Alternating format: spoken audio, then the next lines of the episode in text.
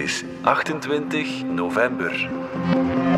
Dit is vandaag de dagelijkse podcast van de Standaard. Ik ben Alexander Lippenveld. Wie met de trein reist, heeft het ongetwijfeld al gemerkt. Sinds enkele maanden is het weer van afgeschafte treinen hier en vertraagde treinen daar. De NMBS kraakt onder het personeelstekort en het oude materieel. De malaise is zo diep dat de drie grote spoorbonden morgen al voor de tweede keer in evenveel maanden staken. Waarom loopt het zo hard mis en is het dan zo moeilijk om de problemen op te lossen?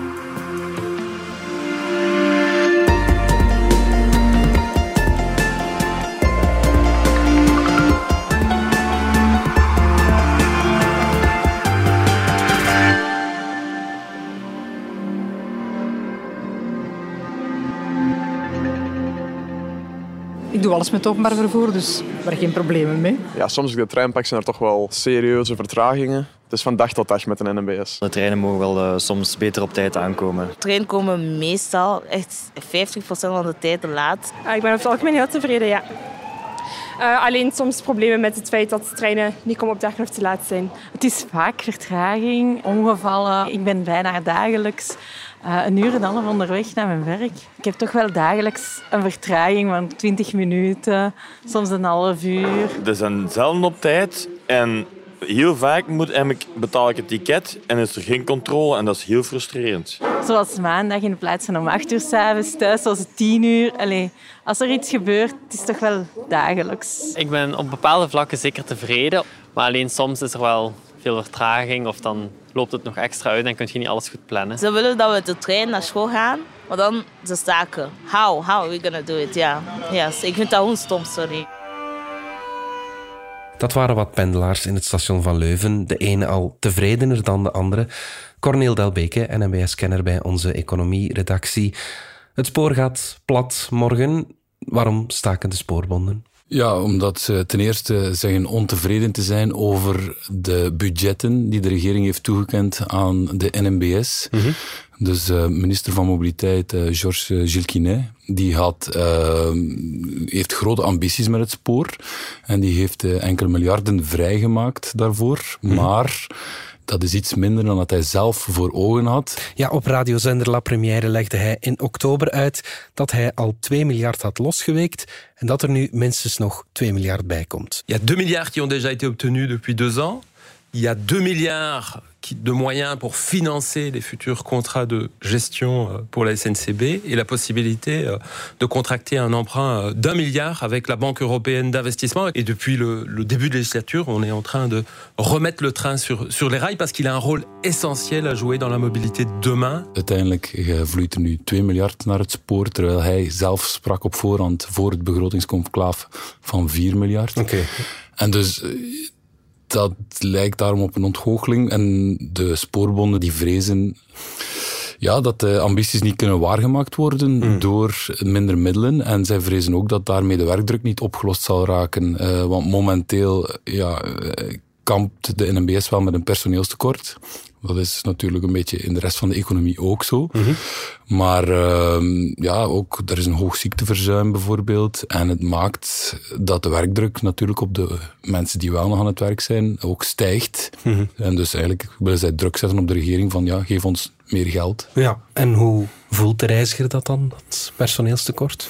Ja, soms is het genoeg dat er een werknemer s ochtends niet opdaagt, eh, waardoor het de trein niet kan vertrekken. Een conducteur eh, die te laat opdaagt of niet opdaagt, ja, dan is er vertraging uh, vaak. Er is ook Um, een, een, gebrek eigenlijk aan rollend materieel op dit moment. Mm -hmm. We zitten met relatief oude treinstellen en het, die zouden normaal vernieuwd moeten worden.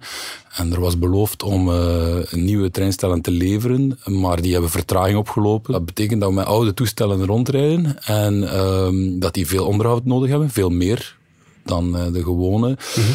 En die vallen systematisch uit nu. En het onderhoud kan niet bijbenen. Mm. Uh, dus ja, er worden oudere wagons die eigenlijk al lang op pensioen moesten gaan, mm. uh, worden nu ingeschakeld. Maar die vallen dan ook uit. Ja, ja, ja. en het is niet alleen de treinen zelf. Ook uh, ja, alles daar rond is echt wel verouderd. Hè? Ja, de infrastructuur ook. Infrabel ja, die heeft op dit moment... Hey, daar horen we soms weinig van. Maar zij krijgen eigenlijk nog minder dan dat ze gehoopt hadden. En zij hadden het vooral heel erg nodig omdat zij de infrastructuur, die ook al verouderd is in ons land, moet vernieuwen. En, en dat is cruciaal. Hè. Als je met verouderde infrastructuur zit, dan uh, heb je niet veel nodig om heel het treinverkeer plat te leggen. Mm een paar pannes aan seinhuizen, uh, ik denk nu maar iets. Of ja. Er zijn ook veel koperdiefstallen. Je zit ook met bovenleidingen, waarvan dat een vijfde dus bijna 800 kilometer, uh, al meer dan 60 jaar oud is. Okay. Dat moet allemaal dringend vernieuwd worden. Mm-hmm. Maar ja, als er geen budgetten zijn, ja, dan krijg je daar veel storingen aan en uh, vallen de treinen stil. Hè. Dat merk je ook in de, in de cijfers, in de stiptheidscijfers? Ja, die, die, gaan de, die gaan weer achteruit. Die waren uh, heel goed tijdens COVID. Ja. Ironisch genoeg. Ja, ja. Uh, maar nu ja, gaan die duidelijk weer achteruit. Er zijn zelf uh, tot 40% meer afgeschafte treinen dan twee jaar geleden. Mm-hmm. vertelde Sophie Dutordoir onlangs in de Kamercommissie. De CEO is dat. De CEO, van inderdaad. Dus ja, en, en 25% meer dan vorig jaar, ja, dat, dat merken de reizigers. IC-trein naar Zaventem en Brussels Airport Zaventem van 9 uur 56 heeft ongeveer 32 minuten vertraging. Ergens, Corneel, is het te begrijpen dat de NMBS soms pieken en dalen heeft, maar hoe komt het dat het nu zo drastisch achteruit gaat? Ja, ook de NMBS uh, rolt van crisis in crisis. Hè. Ja. Um, we hebben corona gehad en dat heeft een gigantische impact gehad, vooral op het reizigersaantal, dat drastisch gedaald is. Ondertussen is de NMBS wel blijven zijn treinen inzetten en heeft zelf het aanbod uitgebreid. -hmm. Maar die inkomsten vallen dus helemaal terug. Dus die putten zijn gedempt moeten worden. Dat is allemaal geld dat niet kan gebruikt worden om investeringen te doen die broodnodig zijn. Mm -hmm. Corona heeft nog side effects gehad ook. Ik sprak er net over het rollend materieel dat te laat geleverd wordt. Ja, dat kan ook aan uh, corona gelieerd worden. Mm -hmm. uh, er is een chipstekort dat de auto-industrie heeft stilgelegd. Dat geldt ook voor treinen. Mm -hmm. um, en dan heb je de oorlog in Oekraïne. Die heeft natuurlijk ook de energieprijzen gigantisch doen stijgen. En de NMBS is de grootste stroomverbruiker van het land. Ja. Dus zij voelen dat extra. Hè. Die stroomfactuur die gaat volgend jaar, volgens de voorspellingen, met 300 miljoen omhoog ten opzichte van 2020. Dus dat is een gigantische kostenstijging. Dat is... Uh, ja, dat is geld dat je inderdaad niet kan gebruiken. Je kan dat niet uh, gebruiken dan om inderdaad nieuw materiaal, om bovenleidingen te vervangen, om seinhuizen te vervangen of uh, te verbeteren, mm. wissels te vervangen. Er zijn dus heel wat kosten en daarom stijgen de ticketprijzen in februari met 10%. Maar als je dan kijkt, Corneel, naar de dalende kwaliteit van de dienstverlening, ja, dan lijkt me dat geen goede deal voor de pendelaars. Hè? Ja, die voelen zich natuurlijk een klein beetje bekocht, kan ik mij voorstellen. Mm -hmm. Anderzijds, die 10% is eigenlijk uh, een, een, indexatie die al... Uh, vooraf in het contract met de NMBS, tussen de NMBS en de overheid was doorgesproken. Dus de NMBS mag dat doen. De NMBS had eigenlijk het plan om de pil te verzachten door twee keer die indexatie door te voeren. Voor de zomer wilden ze al een klein stukje prijsverhogingen doen. En dan af, vanaf volgend jaar, zodat er twee keer 5% in plaats van één keer 10% bij kwam. Okay. Ja, dat wou de minister niet, maar... Ja, je zit inderdaad met die 10% verhoging. Dat is niet leuk als uh, uw trein ondertussen niet rijdt. Hè. Um, als je gewoon de kosten zou doorrekenen, dan zou de NMBS eigenlijk zijn tickets met bijna 30% moeten verhogen. En plus, dat hoor je ook altijd, is dat de NMBS wel nog steeds de tickets in België voor treinen zijn wel mild een 30% goedkoper dan in de rest van Europa. We hebben veel initiatieven in het buitenland gehoord uh, van gratis treinen in Spanje en in Duitsland. Maar als je echt alles samenneemt, dan is de NMBS toch nog iets goedkoper dan in het buitenland. We horen nog eens minister Georges Gilquinet op de Franstalige radio. Le train est une des solutions par rapport aux défis qui sont face à nous, mobilité, euh, climat, euh, pouvoir d'achat également. À quoi vont servir ces moyens? C'est plus de trains sur les rails. Au total, en 10 ans, 10% de trajets de train supplémentaires, des gares plus accessibles, un meilleur service d'infrabel aux entreprises, parce que le train doit être la colonne vertébrale de la mobilité du futur. Gelooft dat de trein een oplossing is voor onder meer het klimaat. Hij wil meer treinen, meer goederentransport meer toegankelijkheid, want de trein is voor hem de toekomst. Hij heeft wel al een paar miljard losgekregen, maar is dat voldoende, Corneel? Ik kan zeggen van deze regering deze investeert heel veel in het spoor. Eh, er wordt dus zeker 2 miljard voor de volgende 10 jaar al toegekend aan de spoorwegen. Daar kan nog eens een miljard bij komen van de Europese investeringsbank voor Infrabel. Dus dat is eigenlijk een, een, historische ommekeer, kan je bijna zeggen. Uh, er is heel lang bespaard op de NMBS en deze regering investeert voluit. Deze regering heeft trouwens niet alleen ja, investeert niet alleen miljarden, wat dat dus ook na jaren van besparingen ongezien is, maar die heeft ook voor het eerst sinds 2012 echt een visie en een lange termijnsplan voor de NMBS op tafel gelegd. Alleen dat al is een omwenteling. Ja. Natuurlijk, daartegenover staat dat deze regering ook heel veel ambities heeft met de NMBS. Dus zij geven niet meer geld om hetzelfde aanbod te houden. Zij willen dat er dan ook meer treinen rijden. Dus de kosten zullen ook verhogen, dat geeft ook extra druk. En dus de, de belangrijkste vraag op dit moment is, wat de NMBS krijgt, is dat genoeg om de ambities van de regering en de ambities van het bedrijf dan waar te maken voor de volgende tien jaar. Ja. Dus ja, enerzijds is het een historische ommekeer, maar anderzijds is de vraag, ja, is het genoeg? Ja, ja. en dat vraagt de CEO zichzelf ook af, hè, Sophie ja, de Ja, die merkt natuurlijk ook dat de treinen op dit moment niet goed uh, rijden. Hè. Mhm. Die critiqueur van uh, de reiziger, zij heeft die ook gehoord, zei ze onlangs in de Kamercommissie. Mhm. We voelen vandaag allemaal, en u ook als treinreiziger, dat er sinds de maand maart, april een stretch zit op het Belgisch spoorsysteem. En het is uh, voor mij eigenlijk uh, prioritair in de keuzes die we gaan maken dat we eerst die stretch wegnemen. Dat we dat nieuw materieel kunnen gaan binnenhalen, dat meer comfort biedt, meer samenstelling, meer plaatsen, minder pannes, minder onderhoud. Als je dan spreekt over een uitbreiding van het aanbod, klinkt dat ook wat zuur als je de trein op dit moment niet kan doen rijden. Dus die, die impact van de energiecrisis onder andere, die trouwens wel apart nog gecompenseerd wordt door de regering, die, ja, die maakt gewoon dat die plannen allemaal heel erg moeilijk uitvoerbaar zijn. De NMBS zelf en Infrabel zelf hadden gerekend op een 3,4 miljard om het volgende tien jaar een plan uit te voeren. En ze krijgen dus minder. En ondertussen stijgen hun kosten meer dan verwacht. Dus hebben zij gezegd van kijk, misschien moeten we die uitbreiding en heel dat plan om meer treinen te laten rijden, moeten we dan even on hold zetten en gaan we ons focussen op wat er nu belangrijk is en om de huidige dienstverlening beter te maken. Als het alleen van mij afhangt, ik vind dat het uur is om de stretch weg te nemen, eerst op te lossen op het huidige systeem, voor we meer even oude treinen in dit net gaan injecteren om de problemen te gaan vergroten. En dat neemt niets weg aan de ambities die wij blijven hebben op de langere termijn en waarvoor middelen zijn voorzien. Kan uh, Dutordoir dat zomaar, de plannen van de regering, naast zich neerleggen en investeringen uitstellen? Ja, de regering is daar broodheer. De dotatie naar het spoor is om en bij de 3 miljard. Dus ja, de regering heeft daar wel uh, iets over te zeggen natuurlijk. Mm -hmm. Maar Dutordoir kan natuurlijk als CEO ook wel aangeven aan de regering van wat is er mogelijk met het geld en wat niet. Mm -hmm. En dus ja, er is een constante spanningslijn, want ja, de regering heeft er natuurlijk alle baat bij. Die willen zoveel mogelijk dat aanbod uitbreiden. Ja, ze kiezen duidelijk voor de trein. Mm -hmm. En zij, ja, zij probeert te zeggen van ja, hier zal het niet lukken, daar zal het wel lukken. En ja, dat is een, gevecht om de centen, oké, okay, dat nu uh, plaatsvindt. Mm -hmm. En je moet weten, dat gevecht van de centen vindt nu plaats, omdat er voor het eerst sinds 2012 een lange termijnsplan op tafel is komen te liggen. Een uh, zogezegde contract van openbare dienstverlening. Mhm. Waarbij voor het einde van het jaar moet dat rond zijn. En dat uh, schrijft de ambities neer voor de NMBS voor de volgende tien jaar. Hoeveel extra treinen moeten er rijden? Wat zijn jullie doelstellingen? En daar tegenover staat dan het budget.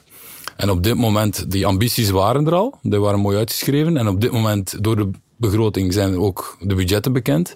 En dus is aan het kijken wat kan en wat niet, voordat dat gefinaliseerd wordt. En hoe is de relatie eigenlijk met de minister van Mobiliteit, Gilles Quinet? Gilles Quinet is, is heel ambitieus en uh, hij wil zoveel mogelijk treinen. Kan je verwachten van een groene minister? Wat je kan verwachten ook, en hij kan daar zeker voor kiezen. Mm -hmm. uh, Dutordoir weet ook denk ik, dat, eh, dat de minister voor het spoor kiest. Anderzijds, ja, als zij natuurlijk uh, ambities opgelegd krijgt die niet haalbaar zijn, dan moet ze een alarmbel trekken. Het blijft constant strijden. Hè. Ja. En hoe voel je dat dan, die, die spanningen? Een bedrijf als de NBS zou perfect keuzes kunnen maken, zoals uh, we gaan wat uh, meer loketten sluiten, we gaan bepaalde niet rendabele spoorlijnen sluiten om de performantie te verhogen. -hmm. Maar dan sta je lijnrecht tegenover de politiek die dat niet wil. Hè. Een groene minister die uh, spoorlijnen afschaft, uh, dat is een no passeran. Mm -hmm. uh, maar zelfs ja, loketten sluiten, dat blijkt heel gevoelig te liggen. Ticketprijzen op, optrekken. Een ander bedrijf zou dat kunnen doen. Kan gewoon zeggen, ja, wij rekenen dat door. Wij diversifiëren misschien de tarieven tijdens de spits. Als er veel volk is, dan vragen we wat meer. Maar ja, dat ligt politiek gevoelig. En dan ja, nog een voorbeeld waar dat die politieke belangen botsen met de bedrijfsbelangen, was tijdens de coronacrisis. Uh, je zag het aantal reizigers gigantisch terugvallen. -hmm. En daar krijg je dan in Nederland bijvoorbeeld, wat, wat doet de NS, de, de Nederlandse spoorwegen, die laten ook gewoon het aanbod zakken. -hmm. Maar hier in België wou de regering dat het aanbod zelfs een beetje werd uitgebreid. En dan werden nog gratis railpassen uitgedeeld, herinner u? Ja, ja, ja. En ja, dat zet die spanningen heel erg op scherp. Straks kijken we naar toch wat lichtpuntjes, maar eerst gaan we uit voor reclame.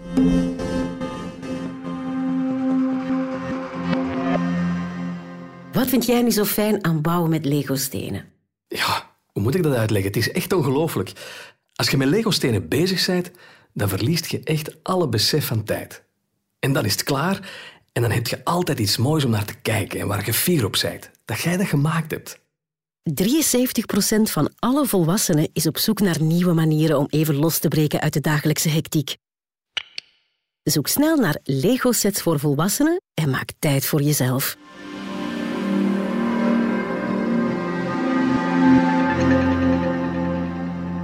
Terug naar het spoor dan. Corneel, kan de liberalisering van het spoor geen oplossing bieden? Ja, wel, vanaf volgend jaar is het dus eigenlijk de bedoeling dat het uh, reizigersvervoer per spoor wordt geliberaliseerd. Mm -hmm.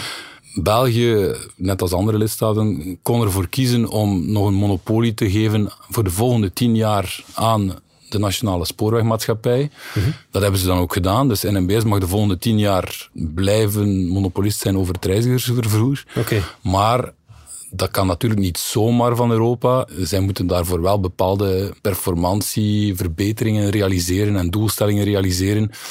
Want nu al dreigen eigenlijk de buitenlandse concurrenten, die hier ook wel een hapje van de markt willen nemen misschien, mm -hmm. dreigen eigenlijk al met processen okay. tegen die toekenning, die ja. direct award. Maar dat kan er wel toe leiden inderdaad dat er iets meer ja, dat de efficiëntieoefening, de efficiëntieoefening beter wordt, wordt ja. inderdaad. Ja, dat er meer volgens een bepaalde bedrijfslogica wordt geredeneerd. Ja. Tegelijk zie je, Corneel, dat er uh, honderden miljoenen meer worden uitgegeven dan voorzien aan nieuwe stations. Gent-Sint-Pieters is daar denk ik het, uh, het grootste voorbeeld van. Dan heb je wel echt het gevoel dat het geld niet ja, op de juiste manier gespendeerd wordt. Hè. Ja, Gent-Sint-Pieters is één voorbeeld waar de werf al heel lang aansleept. Mm. Maar Bergen is misschien nog meer een voorbeeld van die grootheidswaanzin bijna. Maar dat is wel vooral een erfenis uit het verleden. En Sophie Dutordoir ja, maakt daar kom af mee. Ja. Toen zij begon, denk ik dat er nog iets van een twintigtal uh, onderfilialen waren bij de NMBS, zoals een vastgoedpoot en dergelijke, om allerlei uh, side projects uh, uit te werken. Ja. En zij heeft dat helemaal afgebouwd. Ze heeft dat allemaal afgestoten en dat is ook niet de core business van de spoorwegmaatschappij. Mhm. En zij heeft ook een, een, duidelijkere visie op die stations.